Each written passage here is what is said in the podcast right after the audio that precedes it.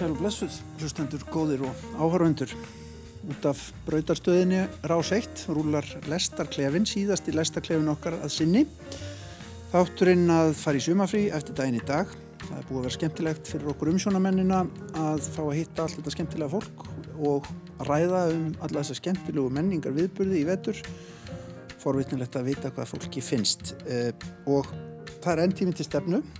Við höfum hér 50 mínútur eða svo til að ræða erlenda heimildamind og myndlistarsýningu og tónleikahald. Sikkur megin við Arnarhól. Og gestir mínir í dag er ekki að vera endanum. Það eru þau Torfi Túlnius professor í íslensku miðaldafræðum við Háskóla Íslands, Sólei Stefansdóttir tónlistarkona og Eva Maria Jónsdóttir, kynningarstjóri hjá stofnun Árna Magnússonar í íslenskum fræðum og sjómaskona velkomin öll. Takk fyrir. Sko við ætlum að ræða myndlistarsýninguna Leðiréttingar sem að nú er í hverfisgalleríi þar sem að Sigur Otni Sigursson sínir sérstök verk sín myndir sem að mann teiknar inn á veruleikan, einhvern veginn inn í, inn í veruleikan og inn í fortíðina heimildamindina Rolling Thunder Review þar sem fjallað er um góðsakna kent tónleikaferðala Bob Stillan og félaga um miðjan 8. áratugin í bandrækjunum og Martin Scorsese setur saman og loks ætlum að ræða upplifanur okkar af tónleikum sem voru hluti af tónlistarháttíðinni Reykjavík Midsummer Music sem að fór fram í hörpu um síðustu helgi undir listrætni stjórn Víkings Heiðas Ólafssonar og við ætlum að byrja á þessum hvítmálaða tónlistamanni Bob Dylan þarna um miðjan 8. áratugin þar sem hann setur saman tónleikaferð sem að fer fram í aðdraðanda já, 200 ára afmælis bandarækjana til dæmis og átti eftir að verða góðsakna kent tónleikaferð Rolling Thunder Review héttum og það er það heimildamind á Netflix þar sem að ég er verið að fjalla um þessa, þetta ferðalag og tíðarandan í kringum þetta. Eva Maria, hvernig hérna virkaði þetta ferðalag aftur í tíman þrumu veðurs reviðan hans Bordilan á þig? Virkaði vel að því að mér fannst ég fá að kynast honum betri, ég var alltaf verið svolítið óttastlegin af hvert Bob Dylan, ég var alveg lítið upp til hans og hlusta á hann mikið en fundist hann eitthvað svo ógnarvænlegur náungi og eiginlega bara aldrei lesið við að viðtala og aldrei einhvern veginn svona gefið mig að persóna en það hef ég á tilfengu, hann vil ég ekki Já. að persóna hans er neitt til umræði. Nei. Hann er erfiður. Já, hann er erfiður og hann er svona hrókafullur og, og það er eitthvað svona eh, verið, látið mér friði í kringum hann mm -hmm. og þarna gefst manni tækifæri til að fylgjast með hannum á, á þennan frábæra hátt mest í gegnum tónlistina mm. þegar hann er á sviðinu og er að syngja af þessu svakalega intensiteti sem að mm hann getur gefið okkur. Mm og síðan er hann með þetta hvita andli trúðsins og hann, þá er alveg augljóst að hann, hann er bara í hlutverki. Hann er bara ég er núna í sjópis trúðurinn hérna komin hérna fram á sviði til að dilla ykkur hinnum en ég hef samt ímislegt að segja. Og, og svo er svo frábært þegar að sko trúðsandliti síðan bráðunar af honum í hvert skipti sem hann kemur fram. Og þá, þá glittir í mannin sem hann vill ekki að, að sjáist. Þannig að ég hérna, tengdist honum aðeins og fór að hans að, að googla svona, þú veist, er hann með eitthvað heilkenni? Er, er hann greindur með eitthvað? Eða er hann er hann hérna hann væri umhverja greindur ef hann væri í dag eða væri hann í dag. það er ekki líklegt. En mér fannst menn verið að segja að væri, það væri sennilegt að hann væri bara prívat persóna og það er alveg svo fágætt. Mm. og þess vegna er hann svo frábær mm. í mhm. dag þegar allir eru bara svo ofinbæra personur og vilja láta svo mikið í ljós sitt engalíf mm -hmm. þannig að hann er fágætti. Ég held að hann sé ekki á Facebook. Nei, ekki. Við minn. En þannig líka verið að búa til einhver svona hugmyndum ameríska skemmtun. Þetta er svona eitthvað ameríst ferðalag. Þekkjum mm. þetta, þetta er svona song and dance, allir saman upp í mhm. rútu og keirum bandar mjög nostalgíst sko. já, finnst þið það ekki? Jú. hvernig virkaði sko fyrir þig sem tónlistakonu að bara horfa á hennan mann á sviði? Mér finnst það alveg frábært. Mér finnst sko þessar, þessar gömlu upptökur eru bara, þú veist þetta eru gerðsemar sko, mm. bara algjörir hérna, þetta má ekki tínast. Ég hins vegar þegar ég byrja að horfa myndina en ég verði að segja að ég, mér fannst ég hafa bara eitthvað svona orði fyrir bíl. Ég var svona fyrsta hálftíma bara hvað er að gerast í þessari mynd? Já, ég skil ekki neitt. Nei. og svo fer ég að googla bara meðan ég hérna, fer að leita eins og fer að skoða bara hérna, umfjallinurinn um myndina og meðan ég er að horfa. Og hérna þá kemur í ljósa þetta er ekkert allt satt og hérna þessi, þessi sem á að hafa tekið þetta upp hérna að þessi Evrópubúi hann er bara ekki til. Og ég var bara hvað er að gerast? En hérna ég tók pásu sko og kláraði myndina setni, hérna, daginn eftir. Og, og ég þurfti að þess að melda hann sko, mér fannst hérna, upptökurnar þessar gömlu frábærum myndin hefði alveg getað staðið undir sér bara, ég hef bara getað hort á það Já. þau æfa sig, Jóni Mitchell uppáhalds aðrifum mitt í myndin er bara eitthvað hún að kenna þeim hérna, er bara frábært sko. en, en ég hérna, þetta, þetta Spinal Tap dæmi, sko, eða ég veit ekki ég, hvað fannst ykkur um það? Já, Vi, voruð eitthvað búin að kynni ykkur þetta, veist, Nei, þetta ég, var ekki allt satt. ég horfi já. til dæmis á myndina alla á þess að fatta það. Já, og já, sko okay. það eftir á að hérna, til dæmis þarna kemur fræk konas Sharon Stone sem segist að hafa hittil hann og hann hafi búið inn með sér og allt það sem er bara algjört kæftæði og hérna, þetta er náttúrulega típiskur dillan það er náttúrulega ekki aðdekli á, á hérna, undirtillinum að Bob Dylan story. Þannig að þetta er saga sagð af Bob Dylan. já. og Bob Dylan segir hann leikur með, hann, hann talar til dæmis um þennan erðurska kvikmyndagerða mann sem á að eiga þessar upptökur já. sem er síðan bara búin til. Þetta er nefnilega, þetta er svo mótsagnakend manneskja Dylan, hann er þarna sækist eftir fræð og framma og er náttúrulega hefur ábúrslega mikið að segja en er jafnframt að reyna að venda sín eigin personu eins og, mm. og felur sig á baka þessa grímu, það er einmitt skota sem hann er með einhverja svona gummigrímu kaksæja mm -hmm. framan á sér og hérna, svo sérst profílinn svona undir, það er mjög, eh, mjög flott en uh, Við, við erum að fara að tala um leiðrættingar sigur átnað eftir Já. og það er svolítið gaman að tengja þessa mynd við leiðrættingarnar af því að Sko þarna er einhver listamæður, Scorsese, sem að er að fjallum annan listamann. Þeir eru með óbúslega mikið af mjög dýrmætum efni við því sem eru þessar upptökur af hljómleikum, af uh, viðtöl og svo framvegis. Svo krukka þeir í þetta, ræða þessu saman á alls konar uh, vegu og fylla upp í eigðurnar með einhverjum skálskap. Búa til þessa persónu sem er uh, kallað, kallað Van Dorp og er í raun og veru einmaður Betty Midler. Þeir sem þekktur hérna þekkt, ég man ekki hvað hann heitir Smurf, í svipin hann er þekktur hérna uh, framlegandi nei, performance listamæður já, já. já, hérna hvað heitir þetta? Gjörningarlistamæður uh, þjóðveri uppröndilega líkur þetta mjög samfarrandi ég, ég fatt að þetta ekki alveg strax heldur.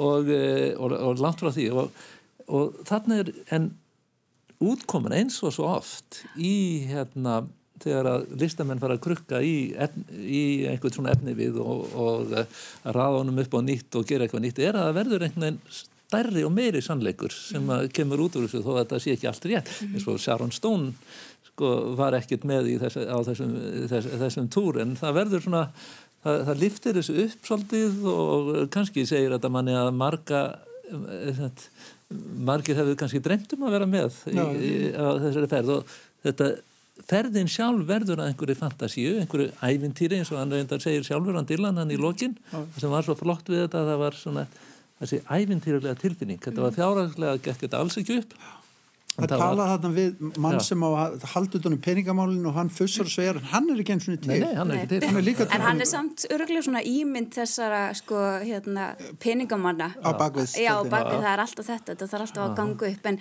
mér finnst svo fallegt hvað, þú veist, hvað þetta hefur öruglega verið svo frábært já. og skemmtilegt og ég, ég fæ alveg bara svona, vá, mér langar bara að fara á tónleikaferð ferðalag bara já, núna sko. og skilur alveg Jóni Mitchell sem að blandaði sér bara í hópin já, mér finnst það bara, mér finnst það geðvitt sko Nei, þetta var, þetta er, já. já, en ég ætla að segja sko, eftir á higgja, þá, eftir myndina, þá var ég bara, he he, ok, ég skil, en ég var mjög pyrruð fyrst, sko, en, en það, þú veist, það létt mér samt svona, ég var eitthvað að reyna að púsla þessu saman sjálf líka, sko. Mm. Mér heyrir eiginlega hlakka í honum þegar þessi hugmynd kemur upp, Já. sko, hvernig gerum við myndum þetta ferðalag?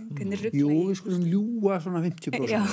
Þegar ég er eiginlega bara svolítið fúl núna, því ég fattur þetta hér og nú, sjáðu, en, en, en torfið samt núna eiginlega að, hérna, sína mig hvernig ég get fyrirgifið en hérna hrekk sem var leikin á já, mér saklösir húsmóðurinn af því að þú segir að það verður með því að blanda skálskap já. og ljúa mátulega til já. stærra og meiri sannleikur. Og ég held að það sé mitt frábært vegna þess að þegar þú tekur Sharon Stone inn í þetta og þá er hún að segja sögu sem að þú ert alveg jafn spennt og hún, þessi Já. ágæta leikona hún sem mjög spennt yfir því að hann hafði kvíslað henni að, Já. að lægi væri um hana. Just Like a Woman, og hún hafi samið bara tíu árum akkurat- áður. Just Like a Woman. Og hún hafi bara grátið í fögnuði og Já. svo frétt hún að lægi var sami tíu árum áður og þá er það, þú veist, þetta er margfaldar Já, leikar. þetta eru bara, þetta er eins og líf hans er. Það, það er það sem, að, það sem er gott við þetta er að hann býr til hann er alltaf að rúlla hugmyndunum sjálfan sig einhvern veginn aftur og aftur sko, Mhm. þú En, en þá fyrir maður samt að hugsa um alls konar hluti eins og þegar hann er að tala við hérna, Joan Baez. Mhm. og þau eru að tala, þú veist, svona nokkurnu en að stíði vangi við hvort annað og það hafði nú aldrei orðin eitt á milli þeirra, þú veist, var það eða er það ekki er það úr var nú þarf maður að skoða þetta allt saman þetta er þriðja heimildamyndin um, um Dylan sko. uh, fyrsta var hérna Don't Look Back þarna, sem var gerð um, um uh, ferðans um England þarna já. 1964-5 og þá er John Baez með en fær aldrei að fara upp á svið. Þau eru kærustupar og, og hún er greinilega mjög spæld og, og annað með þetta. Svo er hérna þessi sett, svo er önnur heimildaminn sem er gerð sem heitir No Direction Home sem Scorsese gerði fyrir tíu árum síðan sem að fjalla líka um þetta tímabil svona, og samband Baez og, og hans en þarna fáum við þannig tíu árum síðar. Hvað eru þau að segja um sambandi tíu árum síðar?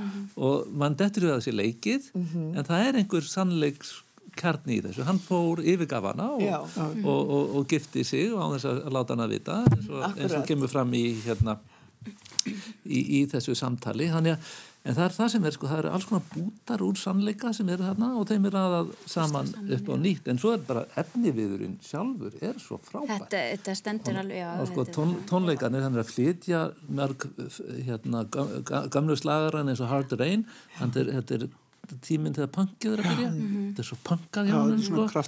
flytur þetta rosalegum rosa flott og bara ótrúlega vel spilað bara- band. tókum líka eftir hvað voru langar senur í myndinu og það er svo þakkavert vegna þess að þetta er á hverjanda kveli svona langar senur og atrið í heild sinni, alveg frá þann spjalla við áhörundu fyrst og til síðasta tónstánast þetta var svo er, mjög fallegt. svo er eitt sem er merkild í þessu vegna þess að þetta er sagt jú eins og, og hérna, að þetta sé mynd sko sesi en, en samt mynd þessa mann sem er ekki til en svo náttúrulega er myndefnið í grunninn var sem sagt tekið upp í kringum mynd sem að Dylan gerði sjálfur um þetta hér, Já. hérna, hvað hétta, Rosalind Ronaldo- og Clara, og já. og var fjóra tíma löng Já, örgulega mjög frekar erfið, ég hef nú ekki séð hana, en örgulega frekar erfið mynd, en, en hérna væri gaman að horfa hana í framhaldinu, sko. Og þetta er í rauninni bjöfnið úr henni, þannig að þetta er sköpunarverk hans Já, já. í grunninn. Ég las alveg svona, ég las, ég, ég var svo, mér varst þetta alltaf áhverð. Ég held að það sem að tryggjara mig var sko þessi Stefan van Dob, uh, þessi maður, hann, þegar hann fór eitthvað svona að tala illa um Dilla, eða Já, var eitthvað svona, já. og ég var eitthvað, Þakka sjálfum sér. þakka sjálfur sér og ég eitthvað svona byrjuð, þú veist, Dilla myndi aldrei láta það, ég, ég var bara eitthvað, þetta er skrítið. Og Dillan var eitthvað svo skrítin líka og ég eitthvað, þetta getur Hérna, svo ég- ég hafði Dilla gleymt- tala illum fólk og, og hann eitthvað, þetta er bara mitt stöf. Og eitthvað svona en nú eftir á þá er ég bara eitthvað þetta- já, kannski, hefur, kannski er hann bara ennþá bara flottur og hérna eh, Þetta, sni, þetta Grína- er svo skemmtilegt hvað hann snýr. Já, hann í marga ringi. Við þurfum að líka minnast á Allen Ginsberg. Já. Þetta er alltaf stjarna í ótrúlega frábært að hafa uh, allar þessar upptökur Já. af Allen. Ginsberg sem býtskaldinu mikla sem að hérna, er bara eitt af stóru skaldum 20. aldar uh, í hérna bandaríunum og bara allt þetta sem hann leggur til myndarinnar eða sem að, sem að algjörlega hérna, liftir í upp og hann á í raun og veru loka orðin mhm, já, flott já, og uh, segir bara, nú bara takið þið, er hérna, og þetta tekið upp hérna þegar að uh, tónleikaröðinni er að, er að ljúka. Já. og hann segir, nú bara gerið þið það sem þið viljið við þetta efni, farið með og verðið að, að þeim, þeir, þeim manneskjum sem þið viljið vera, þeim listamönnum sem þið viljið vera Já. og þetta er kannski, er- mér fannst þetta svolítið svona eins og endurinn á Shakespeare-leikrit eða eitthvað þvíumlíkt, sko, já. að þarna er verið að ávarpa áhörvendur og segja, Já. gerið þið eitthvað við það?" epilóg einhver. Það er sett í endurvinnsluna. Það, það fer allt í endurvinnsluna. Það, er, það er svo gaman að sjá að, að það er aldrei ætlast til þess að hér sé enda punkturinn. Nú á þetta að halda áfram. Einmitt, Þegar þetta er búið. já. já. Svo einmitt, það, og þá tekur við einhver duglegasti tónlistamæður bara sem að til er hann, hann fer stanslust á túra hefur gert það já. síðan Já. þegar kemur í lokin upp á skjáin hvað hann hefur spilað í gegnum árin Já. og maður bara Það svitnar já, Já, Heyrðu, hann, var í, hann var í Finnlandi við hvernar Svona bara 2017 þú fylgist með Já. hann Já, já, Hefur hann var þú í síðan Helsinki. oft á, á, á hérna? Ég sé hann fjóru sinum Já, Já. og er það bara alltaf jafn Það er frábært? alltaf svolítið svona skrítin upplifin sko. uh, Ég sá hann þegar hann kom hinga 90 og þá sko, var fólk ekki alveg búið að fatta hann sko. fólk verið að þess að hann, hann væri eins og Rolling Stone það er að segja hann flytti, flytti lögin sín nákvæmlega eins þú veist, eh, gerist aldrei. 20, 30, 40 árum síðar. En hann er alltaf að breyta þeim og gera þau á nýtt. Þannig að það var svolítið svona skrítin upplifun. Svo sá ég hann í Belgíu einhvern tíðan svona 95 og þá, þá var hann alveg sko, hann bara komið þetta góða band. Ég er mikill aðdándan sem ég eiginlega gafst upp þegar hann var reyndingi höllinu síðast sko. Já. mér fannst hann bara ekki Hann- hann var ekki en það er, Svo það? hann- það? Er núna fyrir hvað fimm árum síðan eitthvað? Nei, 2008 held ég. nú er það svo langt, já, vá, er það er komin 11 ár síðan? Já, Hann er komið þrís og síðan. en ég sá hann í fyrra í apríl í, uh, í Verona á Ítalju í svona rómversku hérna, ringleikahúsi og það var bara tiltúrulega nálagt og svona og þetta er sko, hann er með stórkostlega hljóðfærarleikara með sér. Og það er unun að hlusta og líka hann er alltaf að fela gömlu lögin sín inn í, inn í nýjum útsetningum. Þarna var til þess Bob, eða hérna, Blowing in the Wind og það tók alveg sko þrjár mínútur að fatta að þetta væri Blowing in the Wind. Svo um leið sko þetta var fyrla og, og ég veit ekki hvað um leið og maður búin að fatta það þá heyrði maður það undir sko. Að hann er, er- hann er alltaf að endurskapa sjálfa sig. Þetta, Já. já, þetta er lifandi útvarp, við erum með hund hér í, í, í hérna Já. þess er þetta. Kvolpur sem að er áhuga samur yfir, Að yfir snúrum, við hérna, þurfum aðeins að kannski gæta Þetta er mjög lifandi útvarp sjónvarp. En já, Dylan, það, við gætum auðvitað að tala bara um sem myndurgla í allan dag og, og, og um hann sem hættu nú þessu. því þessi mynd að mann langar aftur að fara að taka Það naga. tónlistina og svo langar mann bara líka að lesa textana. Þannig að hún virkar alveg til þess að vekja aðtigli á verkum hans. hann flytur textana svo vel í þessari mynd Ótrúlega ekki, vel. ekki alltaf hægt að segja það Nei, þeir eru svo skýrir og það, svo, hann, það brennur svo rosalega á honum það sem hann er að segja. Mhm. Það er engin linkað að kærleysi. Er hann að býta þig? Nei, hann er bara í, aðalega að býta snúrur. Já, hann, Ég er smá að gera því. ég þarf að setja hann á snúruna bara.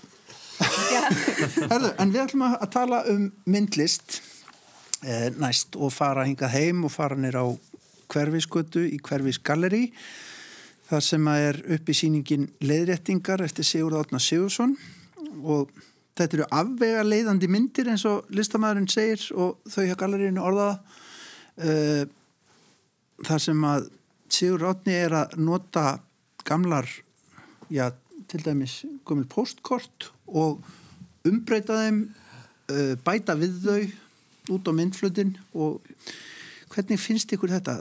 Sko, þú nú mikið með Fraklands þekki mm. franska menningu og þetta kemur líklega að stóru hluta til frá Fraklandi, postkort frá Fraklandi. Víða í Fraklandi getur maður farið á flóamarkaði og það eru bara sérstaklega sérhæft fólk sem er að selja gömul postkort Já. og, og þetta er bara áhuga mál hjá mörgum að safna þeim og, og Sigur Átni dvalið mjög lengi og mikið í Fraklandi og þetta virðist að hafa verið áhuga mál hjá honum Já. og það sem er skemmtilegt við þessa sýningu er að þetta eru verk sem hafa orðið til sko yfir 20-30 ára tímabila eða ég held, hann hefur verið að safna þessu frá 1990 eitthvað því um líkt þessum myndum. Og, og það í sjálfu sér er skemmtilegt að sjá svona, svona langtíma verkefni e, myndlistamanns. Suma myndirnar er alveg gamlar, er það ekki frá 90 og eitthvað? Jú. Já, já, en- og sumar komið mitt úr, er ekki allar nýjar heldur úr sko engaegu og Já. hafa verið sem sagt í engaegu undan verðan ár. Já, uh, hérna, svo er náttúrulega bara eru, póstkortin í sjálfu sér eru bara mjög sjarmirandi og það er alveg hægt að bara taka þau, þau og ramma þau inn og svo er hann að fykta við þau og, og ruggla svolítið í okkur, hérna áhorfendum. Ekki minna en Dylan. Raun. það hefur rosa mikið verið að ruggla í manni. Mér finnst svona alveg hægt að tengja þessi tvö verk saman eða sett leðréttingarnar annars vegar og myndin um Dylan að því leiti að þarna er verið að taka eitthvað efni og fykta við það og færa, setja það í nýtt samhengi bæta inn í það Já. þú veit að þetta mynd af hérna, bautasteinunum þannig sem heldur betur búið að fykta við þannig. Já. Mér fannst svo skemmtilegu leikur í þessu af því Já. að hann er búin að vera svo uh, svolítið svona hreinn og klár mörg ár svona eins og hann hefur byrst okkur Sigur Átni, alltaf svona ferskur en svona mjög einhvern veginn klínískur bara nánast. En síðan þegar þessar myndir eru komin upp á vegg þá, þá sér maður hætti sprúðlandi leikur í kallinum. Já. alveg og, og að, í húmorinn og svo líka bara rosalega svartur húmor. Já, já, með allir sig göti í jörðina Ó, sem geggjað, detta niður í á næsta mómenti Akkurat. og eru þar með úr sögunni. Þú veist, þetta er rosalega svartur húmor líka. Já. og um hjónaböndin sem er að verða en fólki er strax farið í sitt hver áttina. Skuggarnir leita- skemmtilegt, það að er svona það er- einhver ákveðin svona, einmitt, svona ups, það er eitthvað svona gaman að horfa á þetta og þú horfur á postkort og þau eru all frekar raunsæja því að þau eru bara tekin í einhverju daglegu lífi einmitt á, á götum Parísaborgar eða eitthvað svoleiðis og svo það er svo gaman að bæta við þessu, þessu eina litla sko, því að maður er einhvern veginn já, það er svona skemmtileg svona smá hérna, smásjásýning Það virkar líka pínlítið svona að því að manni finnst svona pínlítið eins og þráhyggju kent hjá honum að þurfa að sapna þessu og þurfa að hérna, Já, halda áfram við að finna og, og, og bæta við veruleikan. Já. Þetta er ekki, þetta er mjög exotíst líka. Ég sá nú bara eina mynd á síningunni sem var e, sko hringtorkið hjá þjóðminnesafnu. Það var eina myndin sem að, að þetta er ekki beint sko íslensku veruleiki. íslensku veruleiki, maður fer, fer hansi víða hérna út í eðimerkur og annað. akkurat. Sko, þú nefnir það að hann hafi verið svona eins og eh, já, pínlítið analítiskur í sínum formum og þannig maður sér það samt á þessu að hann er eiginlega að bæta sinni myndveruld víða inn. Og þetta er til dæmis saltgerð sem að er hérna eh, sem er einkennilegt einkennilegur efniviður á postkort þegar maður fyrir að hugsa um það menn að, að að raka salti saman Já. búið til salt en þá setur Sigur Ráðni sín form Einmitt. í kring sem og, hann og hefur hérna hildýpin eru líka hans form. Já, já hildýpin nákvæmlega sem sko. hann er að bæta og já, og, og ný og fólk er að falla niður um niður um. ég- ein frábær mynd það sem er að einhverjum hérna, ég held, ég held mögulega að verið tvö postkort sett saman eitthvað en það er maður að skjóta byssu. Já. hann er að miða á sko annan mann sem er að mála á striga Já. hinum meginn einhvern veginn. Skjóta málaran Já, skjóta málarann. það sem hlaupa þetta svona sjálfs einhver hérna ádela málarans en ég, hérna, ég verði átt að hann gappaði mig þannig að því að ég nú að myndiröð af set, myndir af bautasteinum. Það er mikið af stórum bautasteinum frá, frá steinöld sérstaklega já, á brutænskaðanum og þetta eru sem vinsælt efni myndefni og, og hann hefur fundið mörg postkort og gjarnan eru myndir af brettónskum konum í þjóðbúningi með. Og svo er, er sko þetta er, bauta, þetta er stór stein sem stendur svona beint upp, svona sívalur og, og voldur svo eru Tveir tveir litlir. minni steinar við hliðina. Og ég sagði, herru ég aldrei tekið eftir þessu, já, að þessi þessi bautasteinar hljóta að vera svona réðurtákn Já. og og svo Já, og ég er búin að bara sjá- mjög klúrir. Átta- Já, ég er búin að sko. sjá hérna nokkra að segja að það eru litlu steinarnir eru kerfismundi við hliðina á þessum stóra og þá fer ég að rýna betur í þetta og þá sé ég að hann hefur teiknað litlu steinarna inn Já. Já, er það alveg Já, þannig? já, já, já. maður er nefnilega mjög gappaður þarna líka Já. og það er svo góð tilfinning þegar maður er alltaf að uppgöta eitthvað nýtt þetta maður er svo Van Dorp í hjá Já. Akkurat. Þannig að maður hefði getið verið mjög lengi þarna og bara skráð hjá sér, þetta er raunverulegt, þetta er ekki og Já. bara tölurverðum vandrað, sko. Einmitt. Já, það eru ýmsar viðbætur og líka sko, já, fyrst heldum maður að það sé bara verið að fara út fyrir, Já. myndflutin. út fyrir myndflutin, Já. en síðan er bara svo margt Já, sem hann... það, já hann, innan. hann hefur verið að teikna inn í myndinda líka þá eru nokkra sem að, um, varst mjög já, þá var hérna, hvort það voru úlvaldar eða einhver kamiljóni eitthvað og þau eru að labba og svo eru tveir menn sem labba og hann var búin að teikna hérna svona eh, ólum hálsin á mönnunum sko frábært sko þeir voru í rauninni að elda dýrið Já, og maður þarf að staldra verulega Já, vel við já. og gefa sér tíma Já. til þess að skoða þetta. Og svo var líka svo fallet að stundum var bara örfá strókur sem hann bætti við, Já. sem gerðu samt svo mikið eins og í kringum frímerkin. Akkurat. Það er að segja þá ert, ert allt í hennu komið með hérna, stærra samhengi við uh, fuggl á frímerki eða eitthvað svo leiðis og þetta eru bara örfá línur, þetta verður svo mikið fegur bara þessi litla viðbútt. Það eru íslensk frímerkiðar Lóu. Já, Já. Lóa, og hann raðar, þetta er þessu þrjú frímerkiða fjögur, hann raðar þeim svona svolítið eins og Lóan raðar sér á túnni. Já, einmitt. og, eh, svo, hérna. svo bætir hann við nokkrum grössum Bara hans komið heimsmyndina, bara, bara með þessu litlu strókum. En fyllist þið ekkert svona einhverjir, einhverju svona nostalgískri nostalgískum lífsleiða fortíðar þrá við þetta. Af því að þetta eru postkort og postkort eru svo romantísk og þau eru svo einhvern veginn svo mikið dottin út úr okkar veruleika sem að nefnum ekki einn svona þú veist að bakka upp tölvupostin okkar í dag, hvað þá annað. Og eins líka myndefnið sem að sumt virkar ég menna sumarmyndirnar er ekkit svo veist, þetta er ekki, hér er til dæmis ég er nú með hérna bók sem er svo glæsilega bók um, um þessa sýningu og hér er til dæmis stúlka á strönd og þetta gæti svo sem verið bara okkar æska hér, allra þannig séð. Þetta er ekki endilega allt mjög fjarlægt okkur í tíma. Uh, það er líka það er fullt af húmor en það er líka einhver svona pínu melankóliskur stráður, er það ekki? Hvað finnst ykkur með það? Eða funduðu ekkert fyrir því, var það bara ég sem fór og Já, mér fannst það er ekki allar húmorískar myndirnar, sko, Nei. alls ekki. Nei, Mér það er fannst þær oft sumar þetta svarta. Bara, já, og bara fallegar, sko. Þannig að, Sorglega sumar. já, þú veist, maður getur alveg, já, getur alveg, Kaldranarlega náttúrulega. já, hann er Lóumyndin.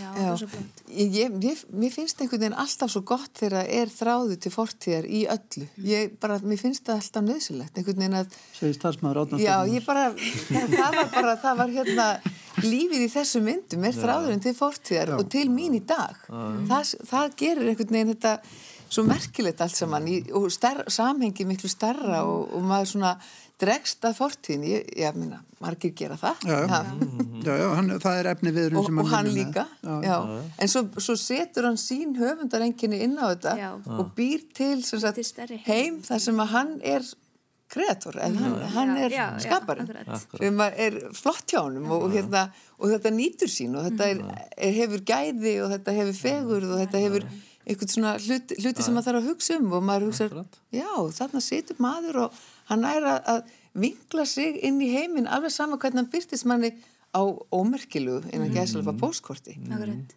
Er ekki með hlutverk listarinnar að kenna manni að hugsa, hlusta og sjá. Og það, sem- það sem hann er að gera þarna í þessu er svona, svolítið eins og Dylan-myndin og það er að hann er að kenna manni að horfa og sjá til dæmis eins og hann að þú þarna með mynd af, af hérna, með bókina opna þarna hjá þér Gunni sem er með mynd af uh, stórum uh, og fræðum górsbrunni í Genf.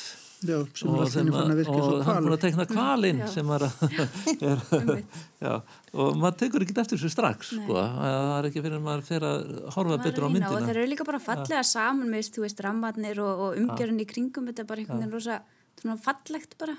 Þannig þetta er líka hvað er satt og hvað er logið og, og þessi umbreytti veruleiki sem að, hérna, Mm. við erum kannski þurfum að kljást við núna hvað er hérna er... er hægt að í rauninni aftan- varpa já. hvaða mynd sem er fyrir framann augun á okkur Já. núna Já. með nýjustu tæknið þá veitum við ekki alveg hvað er, hvað er satt og hvað er logið. Hörðu, það þetta er að náttúrulega falsfréttir eru líka hægt að kalla það leiðréttingar. Falsfréttir, já, leiðréttingar. Það er líka hægt að kalla það leiðréttingar. Já, I have to correct you sko. En ég fór um þetta að hugsa um þetta út frá frumleika þegar ég var að horfa á þetta og segja, já, mér finnst þetta rosalega frumlegt, en kannski, þú veist, þegar maður er að taka eitthvað svona sem er til fyrir og er að láta það í miðjuna á verkum sínum, er það þá ekki rosalega ófrumlegt, en einhvern veginn þá er samt öll list sprottin af einhverju öðru, hvort sem það er list eða, eða bara Já, listin já. í lífinu, sko, Einmitt. Þannig að að svona að nota eitthvað sem að þú kaupir bara á tíkallut í búð þú veist, nota það sem miðið verksins það er frumlegt. Og mér finnst þetta mjög frumlega myndir hjá hann já, og mikið list þó þetta séu sko sennilega fáar strókur. Hann, svo eitt sem að ég tók eftir líka að þú getur verið rosa frumlegu listamæður og fengið góðar hugmyndir og, og útvart þar skemmtilega en hann kann svo vel til verka og það nýtur sín svo vel á þessar síningu eins og reyndar öllum hans síningum hann er svo sko hann efnin og tækin þú veist, hann er algjör mistari þegar kemur að þessu, þetta er algjörlega óbreyðult það er ekki feil stróku að sjá neynsta. vel teiknað, Akkurat, ótrúlega vel teiknað góðu bara, já, teiknari. já. Og það þarf alltaf að vera til grundvallar einhvern veginn undir Já. öllum góðu Já, hugmyndunum. akkurat. Það, var- það var svo gaman að sjá það. Vá, hvað hann er klár. bara, já. Það var annað sem kveiknaði hjá mér, það var líka svona einhvers konar, já, ég saði fortíðarþrá á hann en líka einhver ferðarþrá, mann langar til Fraklands. Já. Já, eh, þetta er nú mikið í Norður-Afríku líka. Já. Þannig að það er sko líka svona, eð, mér dætti hug sko að hann er svolítið að vinna með sko, nýlendu hefð frakka. Já, Þarna eru mynd, myndir frá Allsýr og svona og, og hann er svona svolítið að gaggrína það líka eins og maðurinn með, sagt, með þessum skuggum sem að teiknar inn á myndirnar. Að, við tölum áðan um hjónin brúkarsmyndina sem skuggarnir eru af þeim sem hann teiknar inn í eru að fara svo í sirkur áttina ungin merkingu. Já, alveg. og það er alveg þungi merkingu og hérna sama, þarna er maður eh, einhverstaðar í Norður Afríku svona innfættur og sem er uh, klifjaður svo skuggin af honum eins og kamildýr Já, akkurat. þannig að það er svona verið að, já, þetta vekur hjá mann einhver hugrenningategn, er þetta það sem var gert við fólkið í nýlöndunum að það var því breytt í dýr? Eða sem var það, voru þau svona burðarklárar í hugum nýlöndu herrans og svo hérna þannig að uh, þetta er svona leið líka til að vekja mann til umhugsunar já. En, já, ég upplif ekki nostalgíu en það er náttúrulega já, þetta er, þetta er einhver fortíð sem er þannig, já. Og hún er, fortíðin er er bæði fögur og ljót sko. Já, hún er alls konar. Eh, svona bara heimsóknin í þetta galleri, eh, af því að það nú verið að grafa líka hérna, bara, já, enn einu sinni verið að skera hverfiskutun upp, hún er hérna mest uppskorna gatan í í Reykjavík líklega og það, núna er þarna, eru þeir að vinna þarna neðst þannig að það er búið að slít, slíta aðeins frá. Hvernig fannst ykkur að koma bara þarna inn og svona? Maður þurfti að fara í Arnarhólinn, maður þurfti að fara fjallgönguna til að koma til að. Mér fannst rosalega gott að koma þarna, ég þurfti að fara með hennan kvolp þarna og gælristin var mjög almennlur og tók hann í póstur og með hann og, og hérna held hann upp á skemmtun og, og hérna ég var hérna bara lengi og mér fannst rosalega gott að koma þarna og mér finnst þetta mjög falleg upplifun þessi síning. Þetta er nú ákveð listform sem hún stundar að koma að mæta á menningaviðburðið með litla korpinu Þetta er alltaf alveg nýr einsla og ég er ekkit sérstaklega góð í þessu en ég þarf að venjast. Mér sýnist stefna í að þessi hundur verður áðum bara sem tæknimaður í útarpinu hann er svo dölur í að, að hérna, fara með snúrur. En þetta er svona síning sem að ég, mér, mér langar að fara aftur sko, Já. ég hafði ekki það mikið tíma, ég svona fór bara, já, hvernig einn svona skausti gegnum hana sko, mér langar að fara aftur, að, ég held að það sé út af þessum dítilum að það er svolítið bara staldra við hverju mynd og hérna.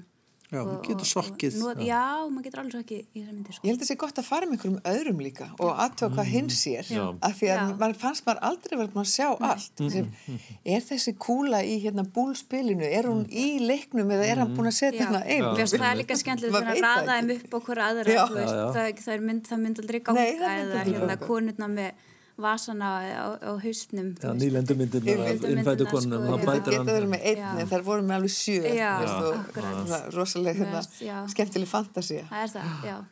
Já, það er, hérna, það er líka gaman af myndlist sem að maður dregst svona inn í, það er ekkit Já. alltaf Já, Nei.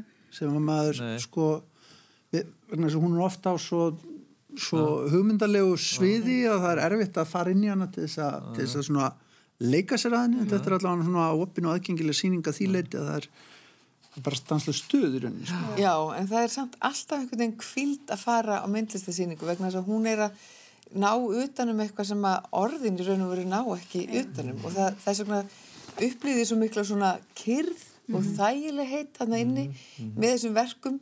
Og þessi tími sem að þarf ofta að pína sér til að gefa sér í svona einhvers konar hugleðslu, hann kemur þarna bara til manns, þú veist, maður þarf ekkert að fórsera þannig, maður er bara þarna að horfa alveg og láta bara hugan reyka og þá kemur svona ofsaleg ró yfir mann. Þetta er mjög, mjög þakkarvert. gott galleri, það er gott Já. að það er satt. Já, Góðrandi. góðrandi. Sko við ætlum að svissa aftur yfir í tónlist hér. Uh, þessi tónlistarháttíð sem fór fram síðustu helgi og ég baði ykkur um að bara velji ykkur hérna tónleika á háttíðinni til þess að fara á og þið kíktuð á það fyrir mig. Uh, RMM, Reykjavík Midsummer Music sem að Víkingur Heðar Ólafsson píjónuleikari og er að bjóða okkur upp á. Hans svona frami og hans stjarnar er sífælt svona meira rýsandi í heimi klassískra tónlistar eða þessum fleik sem við köllum annarkort klassíska tónlist eða síkilda tónlist eða hvað, hvað, hvaða merkjum við, við svo sem viljum. Uh, hann er búin að bjóða upp á svo háttíð nokkrum sinnum, núna er hún komin á tveggjára tímabil, er á móti listaháttíð, núna hugstuð þannig að það sé skarist á í listaháttíð og er svona bara alltaf haldin um þessa bjartustu daga ásins í hörpu sko hvernig hérna ég bað þig Torfum að fara á, á upphafstónleikana. Nei, ég fór að loka Nei, tónleikana. þú fórst að loka tónleikana. Já, það var Eva Maria sem fór á upphafstónleikana. Allir við byrjum þá ekki á, á, á þér Eva, sko, hvernig hérna hvernig virkaði bara það kvöld að koma inn á þessa hátíð, fannst þér þú strax til dæmis vera komin inn á hátíð Ég var svo þreytt og ég var að hjóla og var einhvern veginn, þú veist, að fá pössum fyrir svona, að ég kom þarna bara inn í dúnúlpunni og sopnaði bara strax. Já, bara alveg ég verð bara að vera heiðaleg og, en, en það, Það var að góðu svepp já, sko, Það er náttúrulega mjög mikið veit, sko. Þegar Ég- maður, maður sopnar þá líður manni vel. Vegna þess að undirvitundin, hún nemur tónlistina. Þess vegna skiptir einhver máli hvort maður er sofandi eða vakandi í alvöru talið. Þannig að ég veit að þessi tónleikar, þeir voru frábærir, af því að þegar ég var vakandi voru frábærir og ég var endunar þegar ég vaknaði. Þannig að, en ég heyrði í öllum þjóðfærleikurum eitthvað skilur. En hérna, ég er, svo, ég er bara svo ánað með að viking, ég ætla bara að segja það vegna þess að ég hugsaði svo flott að fá mann sem er ekki bara góður tónlistamæður og píjónuleikari og búin að sagt, æfa sér svona mikið og ráðan svo mikil meistari heldur líka mann sem er til að tala við okkur sem erum að hlusta útskýra aðeins og segja bara svona casually hvernig að nálgast þetta. Og síðan er líka tilbúin til þess að standa fyrir hátíð og bera hann einhvern veginn á axlum hann var í öllum sem sagt, tónverkunum sem voru flutt á þessum tónleikum sem ég sá. Og ég segi bara rosalegur kvalræk gerir sér drengur fyrir menningarlífiðna og bara hafa þessa seglu, svona ungu maður að að gera þetta ár eftir ár og vera alltaf í tengslum við fólk sem hann hefur kynst í gegnum hérna, lífsleðina og, og hann er svo, svo kraftmikill. Þannig að þetta er sko verulega mikill spaðir sem við erum búin að fá hérna í menningarlífið okkar. Og ég er bara svo þakklátt fyrir það. Vonandi bara færa hann að gera sem mest af þessu og, og þetta fær stuðning til spjalla við okkur. Svona eins og Rökkvaldur Sigurðarsson gerði í útvarfinni í gamla þetta einmitt. þú veist það var engin einhvern veginn þarna á milli Rökkvaldar og síðan Víkings heiðars. Nefndi svona aðeins að útskýra þetta og þú veist og það er rosalega þakklátt þannig að, að það eitt og sér vildi ég segja en svo auðvitað, þú veist þegar maður fyrir að hugsa um þessi verk sem voru þarna þau, þau voru rosalega sorgleg og alvarleg og hérna Já, mjög tengd auðanum Upphafstónleikarnir voru nefnilega alls ekkert það var ekkert svona neitt svona hressileg upphitun neitt, sko. Það var byrjað bara á fjórum alvarlegum söngum eftir, eftir Brahms sko, sem er svona frekar þung tónlist eftir hann Og þú er bara sofnað af leik. Já, Og, en, en, en lifnaði við Já, lifnaði til, í þessum dauða.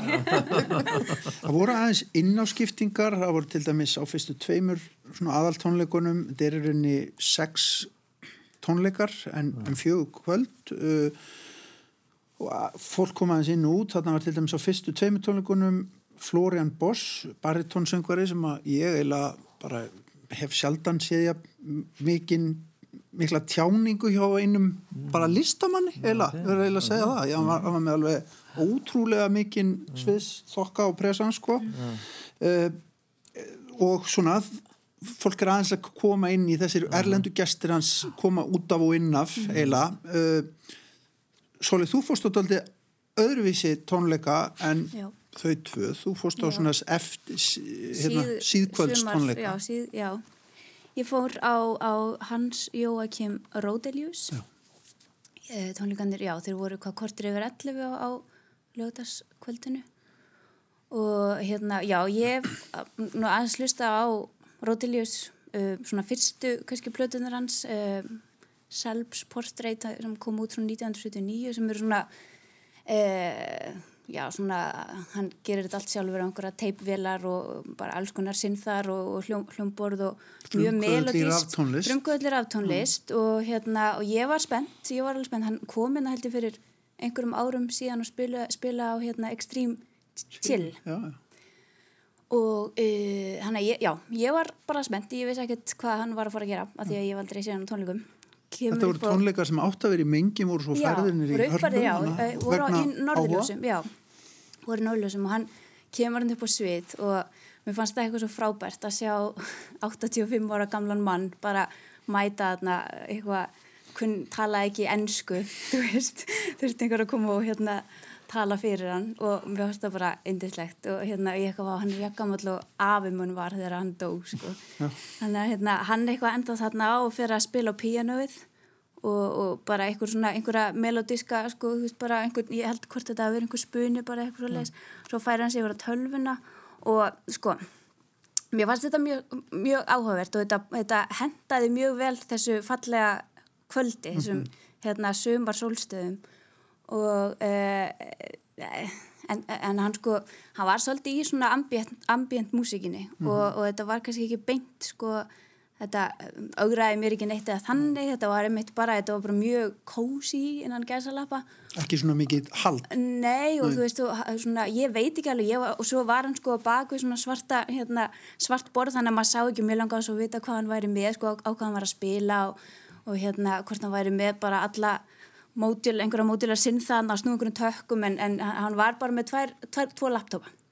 Og verður maður ekki að fyrirgefa svona fólki sem hefur hérna, verið í gegnum tíðan eitthvað þurft að smíða sér allt sjálft sko. Og hann 85 ára bara, æ, ég tek bara tölvuna með. Reddar sér. Reddar sér, já, já, hérna. En þetta var, þetta, veist, það, ég held að ég fór svona að hugsa eftir á, já, þú veist myrki músikdagar eru í janúar. Þeir eiga, eiga vera í janúar þegar þeir eru mjög myrkir og augrandi, sko og hérna, svona eftir að higgja þá var ég eitthvað, já, þetta, passaði hátíðinni, þetta passaði, þú veist, hérna þessu kvöldi og það var fallegt að koma út úr hörpu og var, svo, þú veist, bara ennþá sól og, og hann var bara svona ljúfur og, og, og hérna, eitthvað, bara melodískur og eitthvað svona. Ha, það var bara, já, það var bara fallegt Já. þú Þú ert að segja mér vegna að ég komst ekki á þess að tvenna síðkvölds tónleika en fóru á allt hitt. Uh, sko og þetta er þetta forvitnilegt að blanda saman einhver svona að búa til einhverja alltar stemmingu eftir Já. svona þessar hreinrættaðu kammer tónleika sem að fólk situr og, og bara klappar þeirra á að klappa og svona. Hann náttúrulega þegar hann byrjaði þá var eitthvað eitthva brúðkaup í hérna Eldborg. Og Páll Óskar hérna, eitthvað svona bassatróma sem var svona dind, hérna, maður heyrði svona svolítið í gegnum svo hætta ég var eitthvað svona pínu hérna fílusvip og hendur í kross bara hvað er þetta? Já, já, já. en svo, svo hætta og vikingur alltaf, þetta var átt að vera eitthvað svona spuni á, á milli þeirra. Og hann kemur upp á svið eftir einhvern ákveðin tíma og, og, og byrjar að, svona að spinna og en spila kannski svona fimm mínútur. Og svo hérna svo bara stoppar hann og, og, og, og, og hann róti lífið sér eitthvað svona færa sig yfir á tölvun aftur og píano og eitthvað svona. Og það sem ég fannst svo og hún tala svo fallega um viking að hann hérna hann bara satt og hann var ekkert að, að hérna, hann var ekkert að tróða sér inn í eitthvað, hún greinilega fannst hann bara ekki veist, fannst það ekki þurfa, hann bara satt og hlustaði og, og, og nöyt tónana sko, að, hérna, og hann spilaði ekkert meir.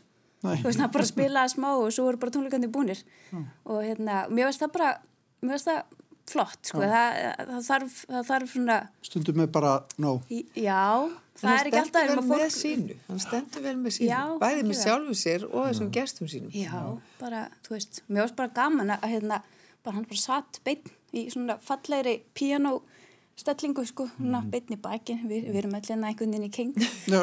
hérna, en svo, svo hætti Rótilius að þýskum hætti á slæginu kortur yfir tólf. Já. mér varst það mjög flott. Ekki, trugg Torfið, þú fórst á loka tónleikana sem voru Já. grand finale. Það, við náum svo sem alls ekki að fara yfir þetta allt saman en maður geti haft stór orð uppi um, um margt sem að þarna fór fram á milli, millitíðinni. En uh, það var alveg greinlegt á loka tónleikunum og mér fannst það líka á þeim fyrir tónleikum sem ég fór á þessum kamertónleikum. Og það var þessi ofsalega spilagleði. Mér fannst sko þetta fólk einhvern veginn ekki, það var auðvitað jú komið þarna í vinnuna en það var komið þarna til að spila með vikingi á því að það vildi það. Einmitt. Það var í góðu stuði og það var einhvern veginn í vinnunni en í fríi þetta var, bara, þetta var hátíð. Og það var svo mikið, mikið, mikið gleði þar. Já, þetta var bara veisla og Víkingur var með svo skemmtilega eh, líkingu þannig upp að við þegar hann var að kynna þetta. Hann sagði sko þetta væri eins og að fara á bara úrvalsrestaurant Já. og kokkarnir væru ekki endilega bara með réttina sem væri, á matsælinum, þetta væri líka verið að skjóta inn svona alls konar sendingum úr eldhúsinu. Þannig var það á lokatónleikum, það voru og- alls konar auka númer sem og, kom og, og óvænt það var alveg indislegt þannig að það voru, sko, fyrir utan alltaf stórkoslega sem var á matseðlinum þá fengum við þarna auka rétti svona, Mm. sem að voru bara mjög bara, bara liftu manni upp einhvern veginn og voru svo, svona óglimalegir eins og þarna var verk eftir Messiaen Já, sem að ég held var ekki innan já, var ekki selvoleikari alveg frábær selvoleikari Já, séð þá mikið flottari.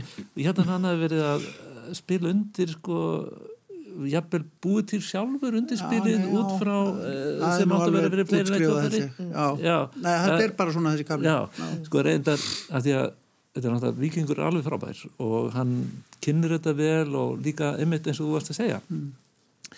Þessir frábæru listamenn sem koma hana þeir eru að koma því að þá þeir vilja spila með honum. Og en það ekki skrítið, hann er svo skýr og músikalskur og það er eins og hann sé að finna þessa tónlist upp á nýtt eins og bakverkið þarna mér finnst það alveg frábært hvernig hann spilaði það hann er, að, hann mætti að vera aðeins skýrmæltari fyrir svona eh, aldraðan mann með heyrnarskerðingu, ég Já. hefði ekki alltaf Var allt sem hann sagði Já, ég held Það það er svolítið erfiður já. hljómburðurinn í Já. eldborg fyrir því talaði mál. Já, það, þannig- já. það var líka bara kannski ekki alveg nú hefði mátt bæta í hann sko Já. og, já, en, einmitt en, Ég sammála en, en fyrir utan þetta er algjör smáadri en uh, fyrir utan það bara var þetta veistla bara veistla að, um, bara, við getum nefnt mjög mörg verkana sem að voru Já. alveg bara á svo það er líka eitthvað sem gerist þegar sko af því að þetta er maður veit að þetta er unnið mjög rætt mm. það er ekkit æft í mjög marga daga þarna á undan það fólk er að koma svona með stuttum fyrirvara og svo er bara æft á fullu og, og þarf að ná þessu saman. En það, þannig er á ferðinni það miklu músikantar að það verður samt þessi slaki það verður svona, þú veist, það, það geta allir svo vel. Já, að það verður svo slagt já, akkurat. Og það, það og, og hérna og svo kjötmikið fyrir vikið sko, skiljiði, hann að hérna Þetta var bara svo mikill kraftur í þessu prógrami sem var hérna. Bara, og ég býstu að það hafi verið sama á lokatónleikunum. Get ekki ímyndið mig hvernig það hafi verið hjá þessum 85 ára bara, gaman. það var bara ró, róandi. Það var róandi. Það var sjáarhljóð en, en svona á, á, á náttúrulega bara fallegan hátt Já. sko, það hérna. En kraftmikið og Kra já, kraftmikið og hann saði mitt svo skemmtilega hérna upphæðu, núna er akkurat þessar sumarsólstöður og það sem að lífið er sko ólgandi í okkur öllum Einmitt. og þá verðum við að fá eitthvað hérna móteitur við því, dauða. Tölum um hann í kvöld. Já. Og og- akkur missum svona var því. upphafið. Svona var upphafið. Dauðin á sólstöðum á semri en það er líka það verður svona að því að fólk kemur nú þarna, það eru mjög margir sem kaupa sér hátíðapassa á þessa hérna, hátíð og þá myndast líka eitthvað skemmtileg svona stemming og þetta er ekki svo stór hópur, þetta er ekki eins og Secret Solstice sem fór sam, fram sama, sömu helgi og voru aðeins fleiri og Já. þannig að þetta verður meira eins og klúppur svona pínus klúpa, klúpastemming ég er náttúrulega kannski fann meira fyrir þessu að því ég fór oftar. En svona stemmingin, þið, þið hafið fundið fyrir henni eins og já, þegar já. þú kemur og loka kvöld Algjörlega, ég fann alveg fyrir því og líka bara fólkið sem var, maður talaði við á undan og í hlínu og eftir sko, það var, það var orðið svona svolítið ölvað af tónlist þannig. Já. Já. Já, svona eftir bara og bara gaman, sko, svona einmitt uppnumið svolítið og skemmtilegt Já, ég tók eftir líka þegar fólki sem kom fyrst það var Já. búið að sko kynna sér vel verkin Já, áður og það var búið að vera að lesa kannski æfisugur tónskáldana og Já. búið að vera sko virkilega að undibúa sér fyrir þetta og svo bara þá hefur þetta virkað svo stert á það veist, bara eh, það sem var að gerast á, á æfiskeiði e, tónskáldana þegar þið sömdu verkin. Fólki sem ég var að tala við var alveg með það allt á reynu og bara getur ímyndað hvernig þetta var fyrir hann? Að þegar hann var að segja með þetta og þú veist, svo var einn anda með rosalega tregðu til og hún átt svo erfitt með að klára verkið og, og fólk var alveg að setja sér í spór þessar listamann og ég held við höfum bara ansi gott að því sko því að við erum ofta kvart yfir einhverjum hlutum en þetta sem fólkið er að upplifa sem að býr til sér stórkostlegu verk. Annars vegar að allir, allir eru drefnir í kringu það og hins vegar bara hérna, getur ekki klára verkið, þið bara reynist það erfitt og þú er bara eins og þetta sé heimsendir í sko listræðum skilningi en svo verður til þetta frábæra loka verk sem var hérna uppastónleikum listin er, er hérna hættuleg en, en við erum búin að tala um alls konar Hvaða útgáfur? sannar og, og, og lígar og allt mögulegt og hérna, þannig á það að vera í þessum þætti sem að heiti Lestaklefin og er núna já, hætta í byli, við verðum hér aftur uh, bara eftir sumafrí líklega bara einhvern tíman í ágúst eða eitthvað hann og fáum fleiri gesti til þess að ræða eitthvað skemmtilegt. En takk kellaði fyrir að koma í dag Eva Maria, Torfi Túlnius og Sólei og við þökkum líka tækni liðin okkar. Gísli Berg hefur staðið vaktina í að miðla myndinni til ykkar og Martin Martinsson er á tökkunum varandi hljóð. Nú er hundurinn farin að urra. Þetta er lifandi útvarp. Og við þökkum kærlega fyrir okkur í dag verið sæl Takk. Takk fyrir.